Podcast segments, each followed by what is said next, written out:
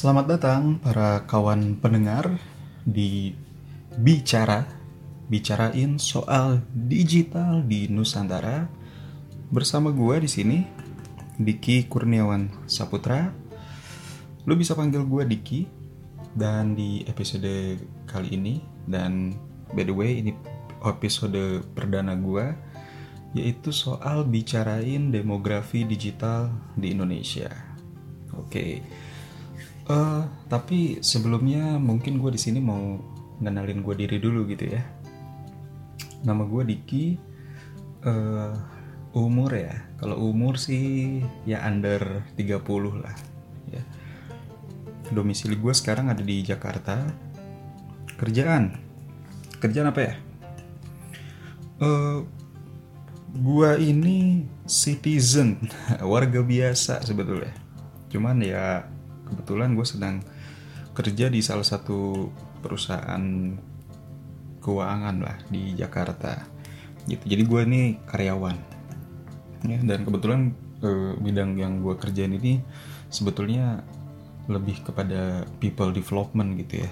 Ya ke HRD-an lah ke HRD-an uh, dan. Ya kalau misalnya lo mau uh, tahu soal profil gue atau kerjaan gue lo bisa uh, cek apa cek aja di LinkedIn gue lo bisa cek di situ. Gue oh gue tuh ngerjain apa aja dan gue bisa share apa aja di situ lo bisa cek aja deh di LinkedIn ya. Uh, interest. Interest gue apa ya? Sebetulnya ini akan ada relevansinya ada kaitannya dengan apa yang akan gue omongin di podcast gue ini. Hmm, banyak hal lah gitu ya sebetulnya banyak hal yang gue suka banyak hal yang menjadi interest gue cuman yang memang ada kaitannya dengan uh, apa ya tema atau topik yang akan gue bahas di podcast gue ini di seri-seri selanjutnya itu memang mengenai soal digital. Gitu. Gue interest banget soal apa ya perkembangan digital gitu.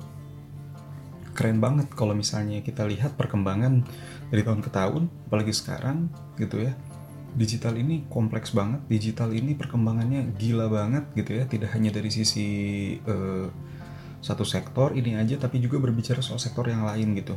Lu bisa bicara digital dari sisi keuangan.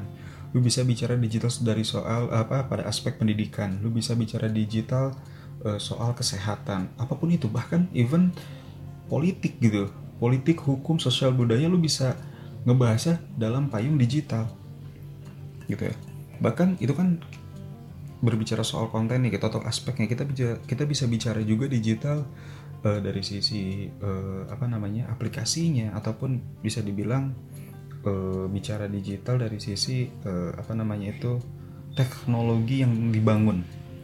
Gitu ya. Teknologi yang dibangun ya. Menarik banget kalau misalnya kita bicara soal digital. Karena gak akan ada habisnya gitu loh. Menurut gue gak akan ada habisnya karena akan terus berkembang trennya terus selalu berubah dan kita akan terus dapat pembahasan soal digital di dalamnya gitu jadi dan itu pun juga ada dampak bagi cara gue hidup cara gue melakukan sesuatu di keseharian gue itu pasti ada kaitannya dengan digital.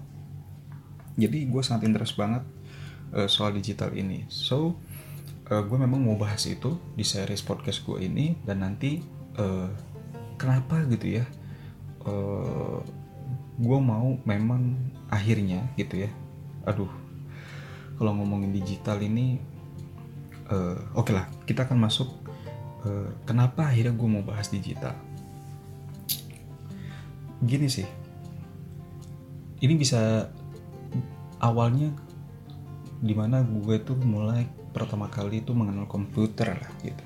Mengenal komputer mengenal komputer tuh gue SMP kali ya gue mengenal komputer tuh SMP kalau misalnya di angkatan gue sebetulnya gue tuh rada telat mengenal komputer.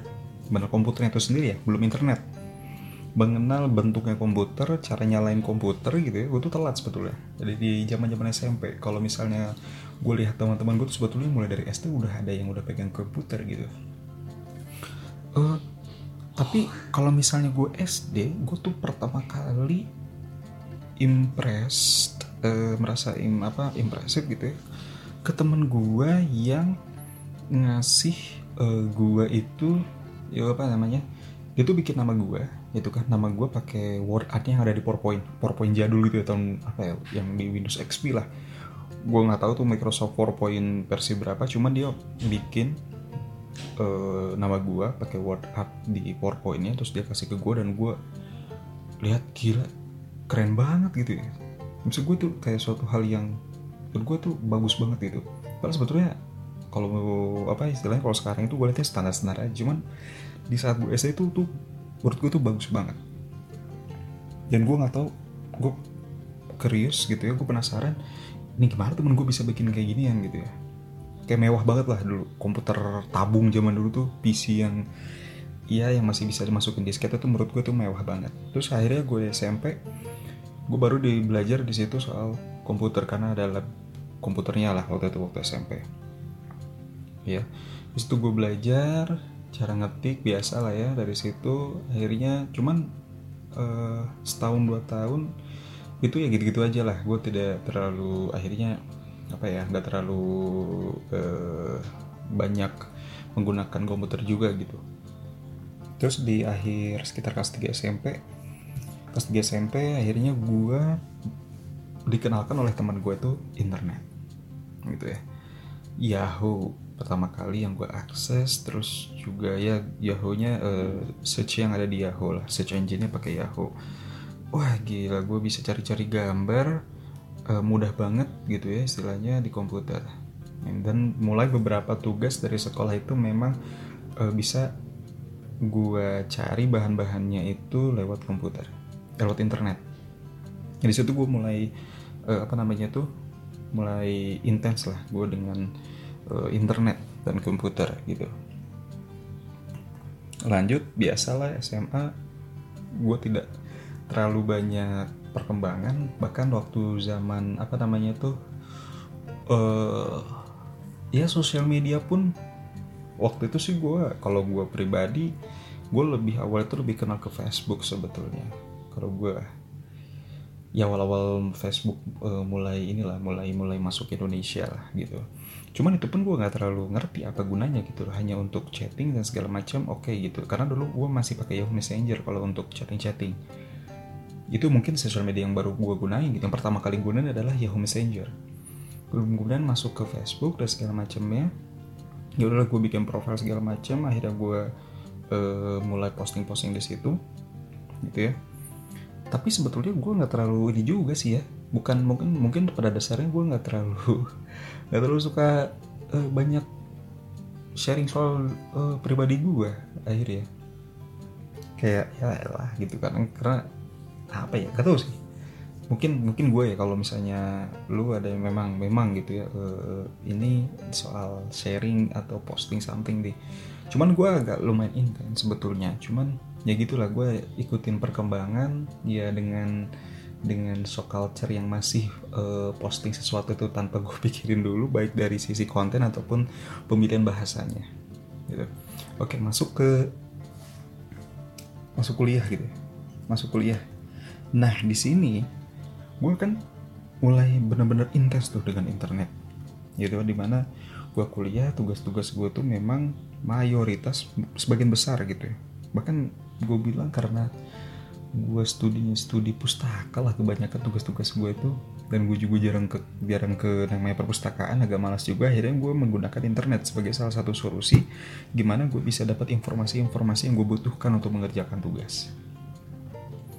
Nah di situlah gue mulai banyak banget istilahnya tuh uh, menemukan media-media ataupun sumber-sumber informasi yang wah ternyata bisa uh, sebebas ini dan sebanyak ini informasi yang bisa gue dapetin dari internet gitu loh. Dan bisa secepat itu gitu loh. Misalnya tanpa harus gue ke perpustakaan nasional atau ke perpustakaan perpustakaan swasta lainnya gue nggak harus capek-capek buka buku impor misalnya gitu ya untuk dapat uh, sumber-sumber dari luar negeri. Gue tinggal klik search klik search udah gitu loh tinggal gue baca aja di situ. Bagi zaman dulu Wikipedia masih jadi kayak apa ya salah satu website favorit gue lah untuk soal informasi. Gitu. Nah akhirnya gue memang intens di situ. Gitu ya. Gue nonton mulai nonton YouTube gitu ya. Gue mulai Twitter segala macam interaksi gue di dunia digital itu lumayan tinggi saat itu ya. Akses musik segala macam akhirnya gue mulai tidak bisa lepas dari uh, internet. Gitu. Tahun demi tahun gitu ya. Uh, tahun demi tahun semakin tinggi juga atau semakin bertambah juga kebutuhan gue semakin tinggi juga istilahnya itu aspek uh, pekerjaan gue produktivitas gue dan akhirnya dan itu pun di diri ini kan perkembangan digital gitu perkembangan perkembangan internet pada saat itu. Tapi satu sisi gini sih akhirnya gue memahami digital ini gimana ya gitu ya memahami digital ini karena gue kompleks. Ya semakin kompleks. Kenapa semakin kompleks? Karena gue lihat uh, ternyata penggunaan internet itu tidak cuma uh, apa ya tidak cuma sekedar yang seperti biasa gue lakuin gitu. Ternyata orang lain itu utilisasi internet gitu ya. Itu banyak banget. Dan akhirnya gue coba berpikir eh apa ya istilahnya tuh coba memahami lah coba memahami bahwa internet ataupun digital gitu ya era digital ataupun budaya digital yang gue pahami itu adalah begini sih. Satu sisi digital ini adalah satu apa ya media gitu ya. Internet ini menurut gue tools ataupun media di mana satu sisi ada orang ataupun sekelompok orang ya sekelompok orang itu menyalurkan informasi menyimpan informasinya gitu ya di dalam internet gitu ya. Kalau bahasa sekarang kan di dalam cloud gitu ya di, di internet. Kemudian informasi yang telah disimpan itu diakses oleh sekelompok orang lainnya.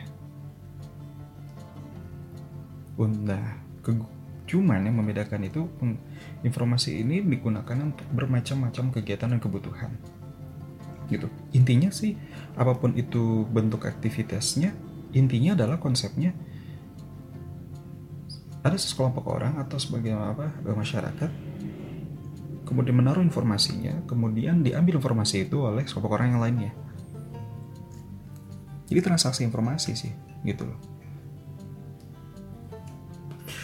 sorry ya gue sambil ngopi di sini biar agak nyantai aja uh, intinya kayak gitulah. Cuman penggunaan informasi ini semakin berkembang. Dan gila banget gitu. Gue dulu mengakses informasi ya soal soal informasi ataupun misalnya soal paper-paper ataupun informasi berita gitu ya. Sekarang banyak banget. Dan bahkan penggunaan informasi ini juga ternyata memiliki nilai ekonomi. Nanti kita akan bicara soal itu. Uh, jadi saat akhirnya pengguna informasi yang semakin variatif itu akhirnya menggerakkan ekonomi.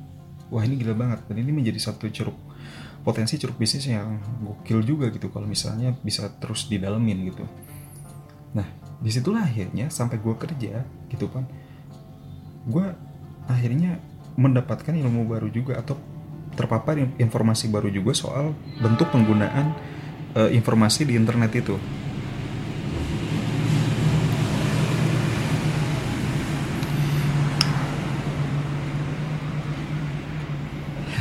Suara kereta ya.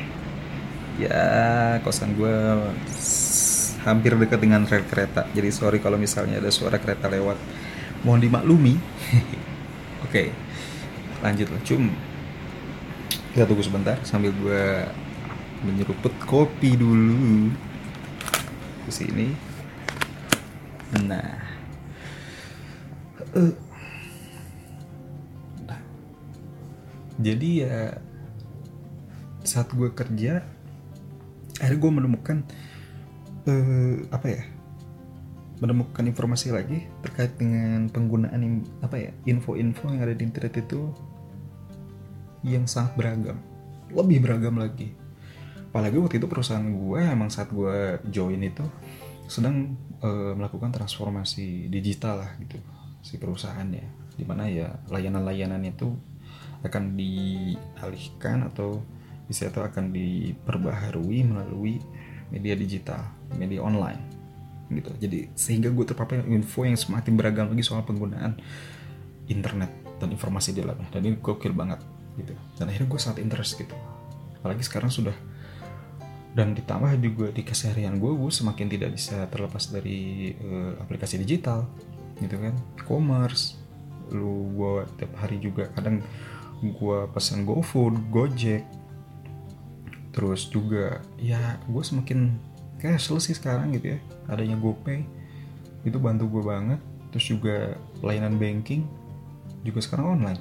Gue juga jarang banget gitu istilahnya ke ATM atau apa untuk untuk untuk transfer segala macam sudah bisa dalam satu uh, genggaman itu di lewat HP dan uh, istilahnya apa ya gue suatu, suatu waktu pernah ada aplikasi fintech gitu lah istilahnya. Gue soal pembiayaan online aplikasi yang memang punya layanan pembiayaan online di mana gue untuk apply-nya pun tidak harus ke kantor cabangnya gitu loh. Dan mereka sebetulnya tidak punya kantor cabang juga sih fintech ini gitu. Jadi gue bisa apply gitu kan uh, istilahnya tuh uh, ngirim submit persyaratan gue tuh ya cuma kongkang-kongkang aja di kasur.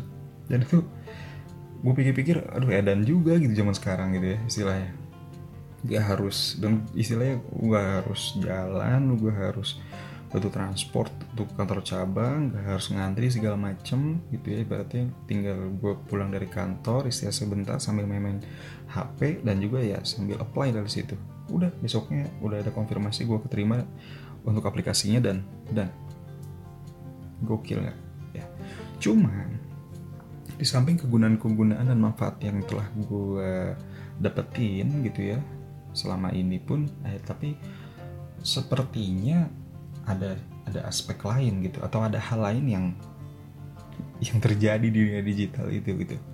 Terutama eh, apa ya terutama bagaimana masyarakat ini sebagian mungkin sebagian dan mungkin yang yang gue yang gue terima gitu yang gue lihat itu sebagai hampir banyak lah banyak. Bagaimana penggunaan digital ini relatif di disalahgunakan gitu ya. Bahkan tidak digunakan dengan optimal. Sayang banget gitu. Terlebih apa ya kalau misalnya kita ngomongin konten gitu ya. Kan tadi gue bilang ada kelompok masyarakat yang uh, menaruh informasi gitu kan. Nah permasalahannya adalah satu sisi masyarakat ini gitu kan atau sekelompok ini yang mengirimkan informasi muatan informasinya ini gitu ya ya satu tidak berbobot. Oke lah kalau tidak berbobot. Dua tidak sesuai dengan fakta gitu ya. Tiga ini mengandung apa ya muatan pesan-pesan yang menurut gue ini bahaya. Bahaya dalam artian apa? Pastinya ini punya potensi untuk merugikan orang lain gitu ya. Dan ter dan terparahnya gitu. Muatan informasi ini bisa memecah masyarakat di Indonesia bahaya banget gitu loh. Bahaya banget. Dan pemerintah sebetulnya udah aware gitu. Makanya sudah ada apa di tahun ya saya undang-undang ITE juga cybercrime segala macam memang sudah sudah mulai di cuman memang belum belum apa ya belum secara belum presisif lah gitu kan menyentuh uh, pergerakan dunia digital ini. Karena memang gila cepet banget perkembangan digital. Jadi ya kali gitu ya. Akan sering amandemen gitu kalau misalnya regulasi ini eh, apa namanya dibuat ibaratnya itu adalah case by case gitu. Jadi nggak bisa kayak gitu emang sulit sulit banget. Cuman itu bahayanya kita bisa lihat bagaimana uh, perilaku uh, anak remaja gitu ya akhir-akhir ini. Luar biasa. Yang terakhir uh, apa ya? Iya. Baiklah sekarang kalau misalnya lu lu search kata hoax gila banyak banget itu orang-orang banyak banget ngomongin soal hoax lah yang terakhir gitu ya. Ya nenek nenek kita lah. Nenek kita yang akhirnya menjadi apa ya ya gue nggak mau sebut dia uh, penyebar hoax terbaik atau apa gitu ya. Cuman kan dia yang klaim sendiri gitu ya. Beliau yang klaim sendiri bahwa dia menjadi penyebar hoax terbaik. Cuman maksud gue adalah ya bisa segila itulah dunia digital. Punya dua sisi mata uang yang satu sisi bisa memberikan manfaat yang baik baik banget tapi satu sisi juga bisa memberikan satu apa ya konsekuensi yang negatif gitu buat kehidupan. Jadi akhirnya karena gue se apa ya selama ini sih gue juga tidak tidak apa ya bisa di, di, apa dikatakan sebagai orang yang intens menjadi bagian kelompok yang menaruh informasi gitu loh. Dan kemudian juga gue hanya sebagai penerima di satu sisi cuman gue lebih kepada penikmat aja. Penikmat melihat satu adalah yang menggunakan aplikasi digitalnya gitu ya berselancar di internet uh, melihat info apa mencari informasi informasi uh, update gitu ya satu sisi gue menjadi penikmat bagaimana melihat ya realita dunia digital saat ini gitu loh. Bagaimana orang bisa saling berantem, satu sisi juga orang bisa saling berkolaborasi di di internet. Jujur aja, gue menikmati dua-duanya. Gue menikmati dua, cuman akhirnya gue sadar gitu loh. Akhirnya gue sadar bahwa ya satu suatu saat gue bakal punya anak gitu loh atau ya semoga gitu ya. Susah gue punya anak atau punya keluarga. Ataupun sekarang gue sekarang udah gue punya keluarga gue punya teman-teman gue punya komunitas. Ya gue menjadi bagian dari komunitas gitu loh. Gue banyak gue punya uh, teman-teman deket yang sayang banget nih kalau misalnya akhirnya ya nauzubillah kalau misalnya mereka akhirnya menjadi satu bagian yang yang terpapar kone, apa konsekuensi negatif dari internet. Gue gak mau banget gitu loh. Ataupun gue berharapnya uh, termasuk gue di sini secara pribadi dan umumnya teman-teman gue atau keluarga gue atau siapa pun di sana bisa mengoptimalkan kebermanfaatan internet ini. Itu sih yang gue uh, akhirnya berpikir untuk mau share soal dunia digital. Oke okay, eh, itu sih yang, gue bahas sebetulnya akhirnya gue sebenarnya intinya adalah ya gue pengen jadi bagian dari literasi digital lah di Indonesia. Tapi sekali lagi gitu ya disclaimernya ini ini uh, yang gue bahas ini adalah point of view-nya adalah orang awam. Gitu loh. Ini gue adalah bagian dari objek uh, digitalisasi di Indonesia tapi gue ngomong gitu loh. Tapi gue coba ngomong aja gitu. Istilahnya ya gue apa ya ya ini ya gue juga sebagai bagian dari penduduk netizen lah di, di Indonesia yang memang tapi juga nggak aktif sebagai penyalur informasi. Tapi ya gue pengen ngomong aja gitu loh. Mungkin ini bisa jadi satu insight bagi siapa pun yang dengar gitu ya yang ya kita bisa sharing lah intinya gitu. Terus kenapa podcast? Oke okay lah in, cuma dua lah intinya. Kenapa podcast gitu? Satu adalah easy to start udahlah ini tinggal ngomong nggak usah banyak istilahnya uh, tidak tid, selain selain konten yang akan gue bahas secara teknis tidak perlu banyak persiapan easy to start oke. Okay. gitu aja sih sebetulnya. Terus kedua adalah ya mungkin orang banyak yang mulai dengan uh, shoot on the camera gitu tapi gue kayaknya belum pede lah kalau depan kamera ngomong gitu ya. Ini cuma itulah. Podcast easy to start gitu lah. Mungkin next time kalau misalnya gue udah pada uh, suatu saat gue udah mulai pede dan gue pengen coba uh, apa ya pengen memperluas channel uh, sharing gue ya mungkin gue mungkin bisa via YouTube mungkin atau Instagram dan sebagainya. Oke okay, tapi untuk uh, start ini gue pengen uh, pakai podcast dulu aja lah. Oke okay, ya. Oke okay, uh,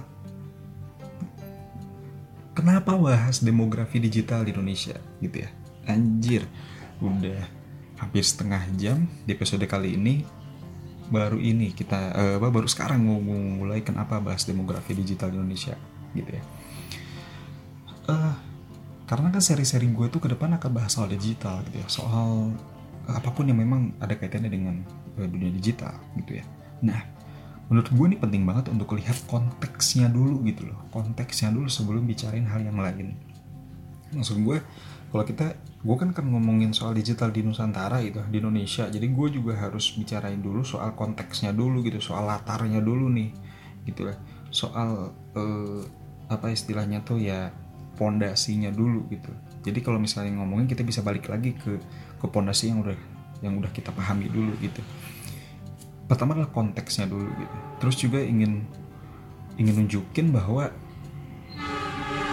waduh, kereta lagi coy. Ya ini anggap iklan lah. Kocak banget sih. Oke jadi kenapa bahas demografi digital? Karena gue pengen kita satu paham dulu nih gitu bahwa perkembangan digital di Indonesia ini udah sangat kompleks banget gitu ya. Nanti uh, kita akan lihat gimana kompleksitasnya. Jadi next time saat kita bicara yang lain tadi yang udah gue omongin sesekali kita perlu melihat yang paling mendasar dulu gitu. Oke jadi ngomongin apa nanti kita balik lagi. Gitu yang paling mendasar sih menurut gue di sini adalah ya kependudukan netizen di Indonesia gitu loh. Kita soal demografi netizen digital eh netizen udah digital netizen di Indonesia. Gitu. oke. Kita udah tahu lah ya misalnya jumlah penduduk Indonesia itu 260 jutaan. Ya update detailnya berapa ya bisa searching masing-masing. Cuman yang setahu gue tuh ada di angka 260 jutaan. Gitu.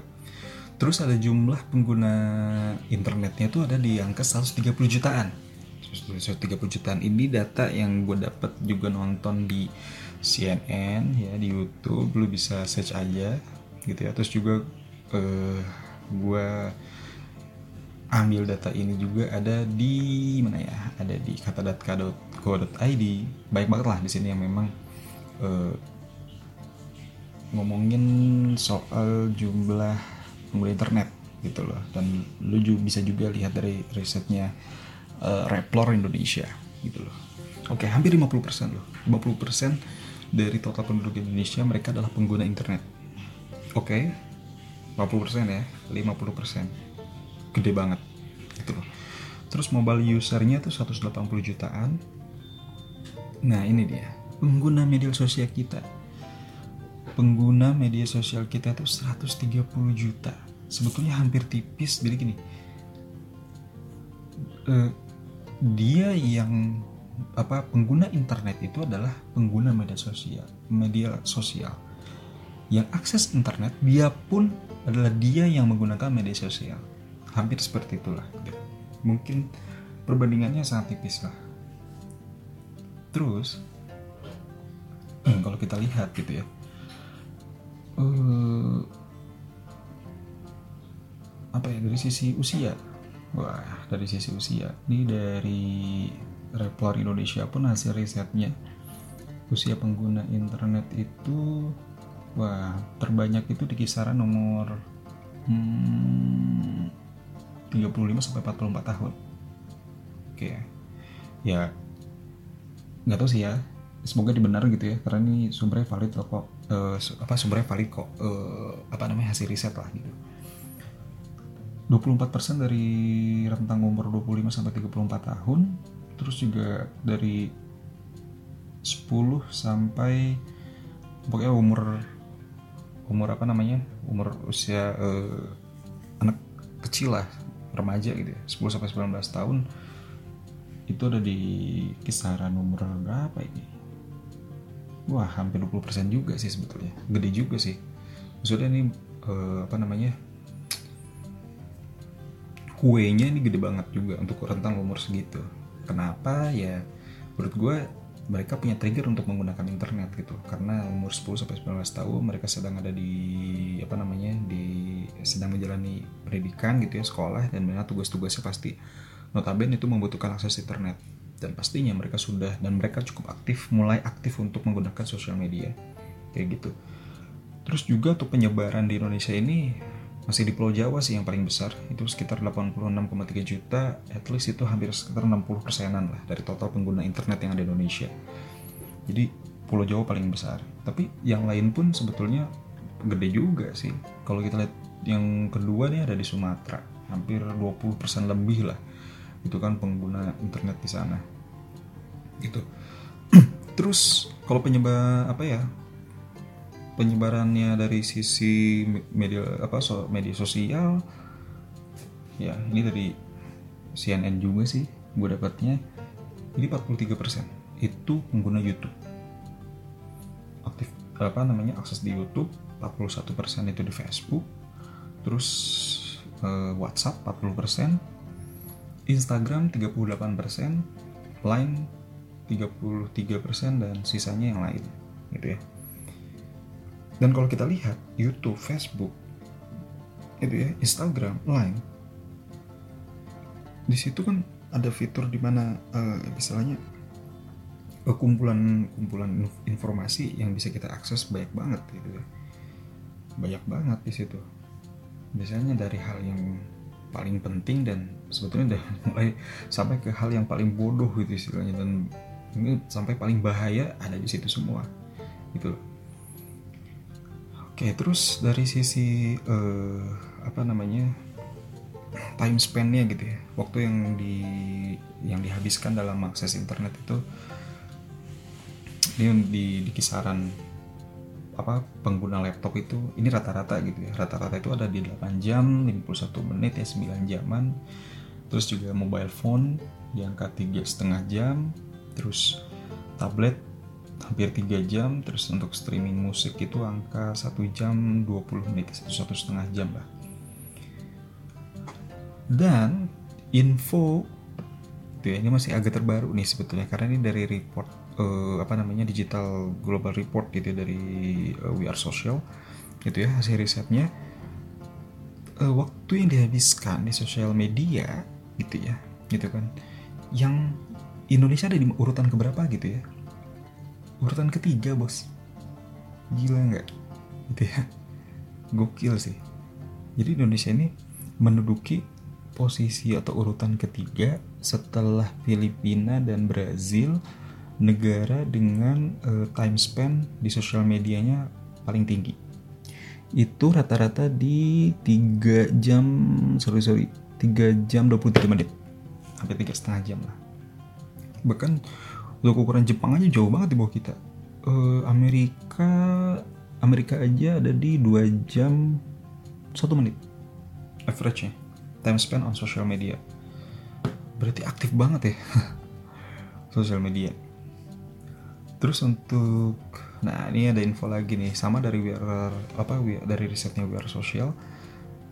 Kita itu negara ketiga dengan jumlah eh, user di Instagram untuk pertumbuhannya aja kalau kita misalnya eh, apa ya namanya year to year dengan tahun 2017 itu kita ada pertumbuhan sekitar 57 juta users dengan penetrasi sebesar 20 20%. Wah. Gokil juga ya. Gokil banget tuh. Kita tuh bisa apa pengguna sosial media paling aktif. Kalau bisa kita lihat ini kita kedua loh di Asia setelah Filipina gitu ya ini sih membuktikan bahwa uh, tadi gitu ya kalau kita ngomongin apa namanya uh, demografi demografi digital di Indonesia seperti itulah gitulah ibaratnya kondisi uh, uh, apa istilahnya ya digital yang ada di Indonesia gitu loh.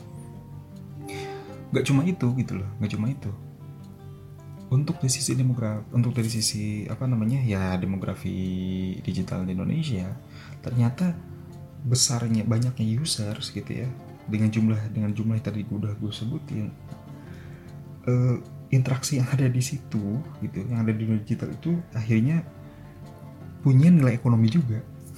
Punya nilai ekonomi juga. Gitu ya. Punya nilai ekonomi. Ini kalau misalnya gue uh, sebut gitu ya penjualan e-commerce dalam penjualan retail di Indonesia gitu. Tahun 2018 aja ada di angka 8,6 miliar US dollar. Wah gila gede banget. Dan itu diproyeksi kalau kita di tahun 2022 itu akan sampai ke titik 16, miliar US dollar. Wow. Gokil banget. Nilai ekonominya tinggi banget gitu loh. Nilai ekonominya tinggi banget. Dan jumlah istilahnya pedagang yang yang lewat e-commerce gitu ya yang uh, apa pedagang online di Indonesia itu juga angkanya ada di 26 jutaan coy. Banyak juga ya. Banyak juga. Banyak banget. Terus kalau dari sisi penetrasi pembeli digitalnya? Waduh beda tipis. Gitu beda tipis. Ada sekitar ya 30 jutaan juga. 30 juta apa 30 31 jutaan. 2022 kalau 2022 nya ada di angka peningkatan 15,7 persen itu sampai menjadi 43,9 juta pembeli digital. Dan kalau kita ngomong soal bisnisnya gitu ya, bisnis di dunia digital uh, apa namanya uh, perusahaan atau startup unicorn gitu ya di Asia Tenggara itu banyak banget atau sebagian besar tuh itu dari Indonesia coy. Gitu ya. Ya even itu Grab Singapura dari Singapura itu paling pertama lah. Tapi Gojek. Pertama Gojek dari Indonesia terus Traveloka Tokopedia sama Bukalapak. Gitu itu kalau dari 8 unicorn di Asia Tenggara ya mereka lah yang mengisi 8 unicorn Asia Tenggara dengan dengan nilai valuasi tertinggi gitu loh. Ini berdasarkan uh, databox.co.id gitu ya. Oke. Jadi yang gue pengen uh, kasih tahu di sini adalah yang pengen gue share di sini adalah di Indonesia ini apa ya seakan-akan itu kayak ada dua landscape kependudukan gitu loh. Ada dua landscape kependudukan di mana satu sisi ya kita kependudukan secara offline gitu ya. Satu sisi uh, kependudukan dalam landscape digital. Karena pada dasarnya ada aktivitas masing-masing yang dilakukan dari satu individu yang sama gitu ya karena tapi dia hidup di landscape yang yang yang yang berbeda. Tapi gue juga nggak bilang kita tuh ada dualisme gitu loh. Karena satu antara lain baik aktivitas gue yang ada di secara offline itu pun berpengaruh terhadap aktivitas gue di digital. Begitupun sebaliknya gitu loh. Tidak semua orang ya tapi hampir sebagian banyak oh, penduduk Indonesia tadi yang 50 yang 50% itu udah seperti itu menurut gue gitu loh. Jadi kalau kita ngomongin uh, apa istilahnya tuh ngomongin uh, digital ya lihat di Indonesia ya seperti itu. Jadi kita tidak bisa uh, apa yang bahasanya tidak bisa meremehkan lah ini soal uh, realita yang ada di dunia digital realita masyarakat gitu ya baik dari sisi aktivitas yang dilakukan bahkan uh, persepsi ataupun istilahnya bahkan ke titik ideologi gitu itu bisa cukup apa ya bisa bisa diakses melalui digital gitu bisa diakses melalui digital. Bahkan kalau misalnya berkaca dari apa yang gue uh, lakukan di perusahaan gue gitu ya analisa terhadap customer atau terhadap di analisa terhadap masyarakat itu juga uh, menggunakan data-data terkait dengan behavior mereka itu di dunia digital rekam jejak digital gitu ya. sekarang juga ibaratnya sosial media bisa dijadikan salah satu variabel atau uh, apa istilahnya ya variabel dalam menentukan keputusan gitu loh apalagi dalam urusan dengan politik gitu ya dan dan dan dan, dan untuk bisnis juga uh, demikian gitu jadi gue pengen ngasih tahu gue pengen share bahwa landscape digital landscape kependudukan digital di Indonesia tuh sekarang ini udah gede banget. Nilai ekonominya tinggi tadi yang udah gue sebutin gitu ya. Tapi ya ah ya ada tapinya gitu. Tapi ya e, masalahnya apakah kalau kita ngomongin e, demografi yang konvensional. Misalnya yang pada biasanya kan yang bagus itu ketika nilai apa namanya itu angka e, ya misalnya gini angka kelah gue, gue apa ya perbaiki gue ya kalau misalnya gue salah. Cuman akan bagus kalau misalnya memang angka angka kelahirannya itu juga dibarengi dengan apa ya nilai produktivitasnya gitu. Ya kan? Misalnya di satu negara ya kematiannya dikit lah misalnya. Nilai-nilai apa namanya tuh e, mortalitasnya tuh di, apa lebih rendah daripada nilai apa angka ke kelahirannya. Cuma masalahnya apakah angka kelahiran pun akan dibarengi dengan misalnya potensi produktivitas yang akan dihasilkan dari dari apa dari dari dari bertambahnya atau dari angka kelahiran tersebut gitu loh. Dan juga apakah angka kelahiran itu itu kan itu diiringi dengan ibaratnya persiapan baik itu dari sisi daya sumber daya yang bisa mendukung ya keberlangsungan hidup masyarakat tersebut gitu ya kan? Nah sama juga gitu loh dengan dengan dengan apa sih dengan pertambahan dengan pertambahan eh, apa namanya tuh netizen gitu ya pertambahan bertambahnya angka kelahiran netizen di Indonesia gitu. Apakah memang sudah eh, sudah sih itu apakah di situ bisa menimbulkan potensi productivity yang akhirnya gitu kan bisa bisa bisa menjadi bagian dari kemajuan negara gitu ya? Dan juga sudah apakah uh, ki, apa ya istilahnya ekosistem yang di Indonesia ini juga bisa sudah sudah cukup siap gitu kan menghadapi pertumbuhan angka kelahiran netizen. So kan gitu gue sih itu sih logikanya. Gitu sih. Nah kalau gue sih ya optimis gitu ya. Pasti bisa lah gitu kan. Pasti Indonesia akan ya apa istilahnya tuh utilisasi digitalnya pasti oke okay, akhirnya produktivitasnya juga oke. Okay. itu pun akan membantu istilahnya tuh ya perekonom, pertumbuhan perekonomian Indonesia yang di mana nanti akan diramalkan akan menjadi apa istilahnya itu salah satu yang terbesar. Ya, gue percaya lah asal yang tadi gitu loh. Angka kelahiran netizennya pun ya, saya berbanding lah dengan nilai productivity yang yang dihasilkan dari dari eh, apa namanya tuh aktivitas digitalnya. Uh, apa ya? Ya terakhir sih gue mau ngomongin apakah apa kondisi uh, kondisi kependudukan digital di Indonesia ini lebih banyak memberikan peluang atau akan memberikan ancaman gitu ya.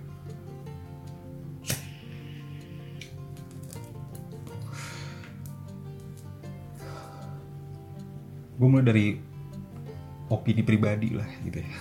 Gue mulai dari opini pribadi. Kalau gue sendiri sih yakin lah. Kalau gue sendiri yakin. Uh, digit apa ya dengan kondisi melihat demografi digital di Indonesia sehari ini sih gue optimis ke depan uh, kita akan berhasil gitu. Kita akan uh, menjadi negara dengan inovasi digital dan penggunaan digital uh, terbaik lah. Ya minimal untuk daerah untuk untuk untuk region Asia. Kenapa begitu? Uh, karena satu sisi tadi ya kita bisa lihat salah satu indikator terbesarnya misalnya kita aja di apa dari di, di Asia Tenggara 8 unicorn terbesar itu banyak dari Indonesia. Ya satu itu.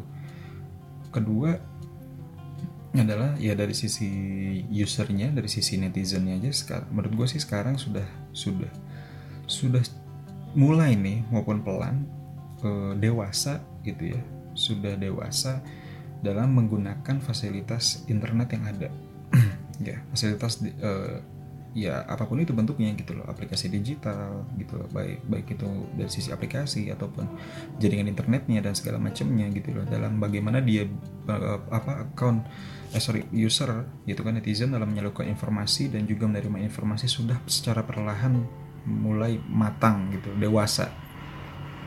Nah ya tapi ya gak bisa dipungkiri juga masih banyak yang memang uh, belum apa ya belum belum belum dewasa juga gitu ya ya perlahan lah gitu.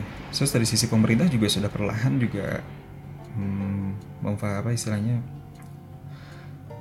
akan mendukung uh, penggunaan ini melalui regulasi undang-undang ITE yang lebih suportif, yang lebih konstruktif lagi, sehingga kita akan lebih tertata, lebih terjaga, aman perkembangannya, dan ya lebih optimal lah. Uh, baik untuk uh, siapa pun kebermanfaatannya dan gue yakin ini akan terus berkembang sih. Gitu. Jadi gue uh, gue yakin Indonesia bakal uh, apa namanya tuh akan menjadi salah satu yang terbaik lah gitu ya dalam uh, demografi kependudukannya yang memang berbanding lurus dengan nilai productivity-nya. Gitu. Cuman oke sebelum ngomongin cuman ini tadi kan uh, itu gue pribadi gitu ya. Kalau di kalau misalnya tadi balik lagi dari hasil risetnya We Are Social Digital Optimism gitu ya. Persepsi optimis gitu ya. Persepsi uh, optimis dari dari pengguna internet dengan uh, perkembangan digital dan pertumbuhan manfaatnya. Indonesia itu ada di urutan nomor ke-6 oh, sorry sorry. Urutan berapa ini? Urutan ke-7 urutan ke-7 setelah Kenya. Ya urutan pertama di Nigeria. Gitu dengan persentase 71% ya yang mana ini gak jelek-jelek amat lah gede kok gitu. Jadi ya sebagian besar warga netizen Indonesia tuh optimis dengan apa perkembangan dunia digital ini gitu. Yang akan memberikan opportunity dibandingkan dengan resiko atau ancaman gitu ya. Ya ya istilah gini kalau ngomongin poten potensi dan ancaman atau tantangan gitu ya sebetulnya ada empat, empat apa ya ya mungkin ada beberapa poin lah. Misalnya satu sisi adalah yang paling pertama adalah nilai ekonomi gitu loh. Di dunia digital pasti gitu punya potensi untuk uh, menjadi salah satu apa ya pendukung lah dalam perkembangan nilai ekonomi yang ada di Indonesia gitu loh. Tapi juga bisa jadi satu tantangan ataupun ancaman juga gitu kalau uh, kalau misalnya dari sisi apa ya misalnya dari, dari ya misalnya dari baik itu dari sisi regulasi ataupun dari sisi pengguna di dalamnya. Misalnya ya tidak taat pajak gitu ya. Terus juga ya apa namanya uh, distribusi barang-barang dari uh, dari luar negeri yang tidak sesuai dengan yang tidak tidak ikut prosedur yang sebagaimana mestinya gitu ya. Terus juga uh, dari sisi usernya yang terlalu banyak um, apa namanya tuh menggunakan atau uh, yang menggunakan layanan e-commerce yang dari luar negeri dibandingkan dengan layanan e-commerce dari Indonesia. Itu juga ngaruh loh. Jadi ya baik lagi kita sih sebetulnya gitu. Baik dari terus juga potensi dari sisi perkembangan informasi gitu ya. Itu gede banget juga peluangnya sehingga kita bisa lebih efisien lagi lebih efektif lagi menyaring informasi yang bisa kita jadikan sebagai referensi dalam memutuskan sesuatu misalnya atau problem solving juga. Dan pastinya akan meningkatkan productivity. Satu sisi itu potensinya tapi juga ancamannya kalau misalnya baik itu penyalur ataupun penerima informasinya itu juga tidak sehat gitu ya. Ya itu juga bisa bisa hancur juga gitu malah jadi malah jadi uh, suatu hal yang mendapat memberikan hal yang negatif gitu pastinya untuk pendidikan gitu loh. Bisa memajukan pendidikan di satu sisi tapi juga bisa memundurkan gitu ya ke pendidikan gitu. Uh, warga Indonesia Sebaik lagi bagi para penyalur informasi ataupun penerima informasi itu harus sehat dan waras dan dewasa gitu. Dan terakhir adalah potensi dunia digital ini bisa menjadi media penyatu bangsa. Satu sisi ancaman bisa menjadi pemecah bangsa. Balik lagi gitu ya. Sedewasa apa sewaras apa dan sesehat apa para penyalur informasi dan penerima informasi para netizen ini di dunia digital. Gitu. Jadi baik itu potensi ataupun ancaman itu kembali lagi ke kita. Kembali lagi ke kita. Lu jangan terlalu berharap kepada pemerintah coy. Lu jangan terlalu berharap kepada perusahaan apa istilahnya perusahaan ataupun ya pelaku pelaku uh, korporasi di dunia sana lah gitu di luar sana. Kembali lagi ke kita gitu loh. Karena toh juga dunia digital ini kan bebas banget ya. Misalnya kita bisa menjadi penyalur kita bisa menjadi penerima informasi. Jadi kita ini harus menjadi sehat di kedua-duanya gitu loh.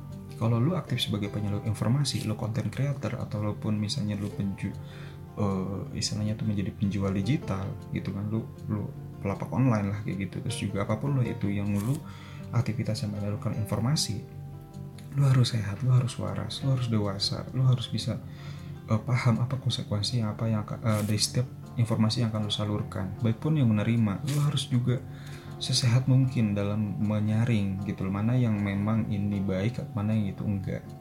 Harus saring sehingga kita bisa lebih cerdas lagi dalam menggunakan uh, fasilitas digital ini gitu ya. Dan sehat lah gitu. Kalau lu sehat dalam menggunakan uh, istilah itu layanan digital gue yakin lu sehat kok. Lu lu sih lu akan uh, sehat lah di dunia uh, apa namanya di dunia offline lah gitu istilahnya. Ini gue sampaikan sebagai dasar kita lihat konteks dulu di Indonesia itu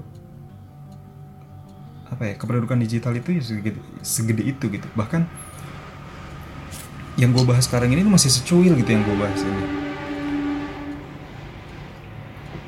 Gue yakin ini masih banyak apa belum menyentuh banyak aspek lah dalam kalau kita ngomongin uh, apa sih kependudukan netizen gitu di Indonesia. Ini masih secuil dan gue juga masih belum belum belum sistematis lah belum belum secara runtun menjelaskannya kayak gimana share-nya tapi at least ya kompleks gitu lah. Ya karena kompleks gue juga agak bingung sebetulnya jelasin kayak gimana. Cuman uh, intinya kita ini harus lebih apa ya lebih dewasa balik lagi lebih dewasa. Lebih uh, bisa melihat peluang gitu ya peluang yang positif ya. Di mana lu semakin tinggi penggunaan lu terhadap layanan digital lu harus lebih produktif. Di mana lu sekarang ini uh, apa ya tahun depan ini sudah akan mulai dari sekarang kok gitu kan. Gencar-gencarnya nih ya, apa industri 4.0 gitu di mana ya digital dan informasi menjadi salah satu faktor terpenting dalam hal ini gitu.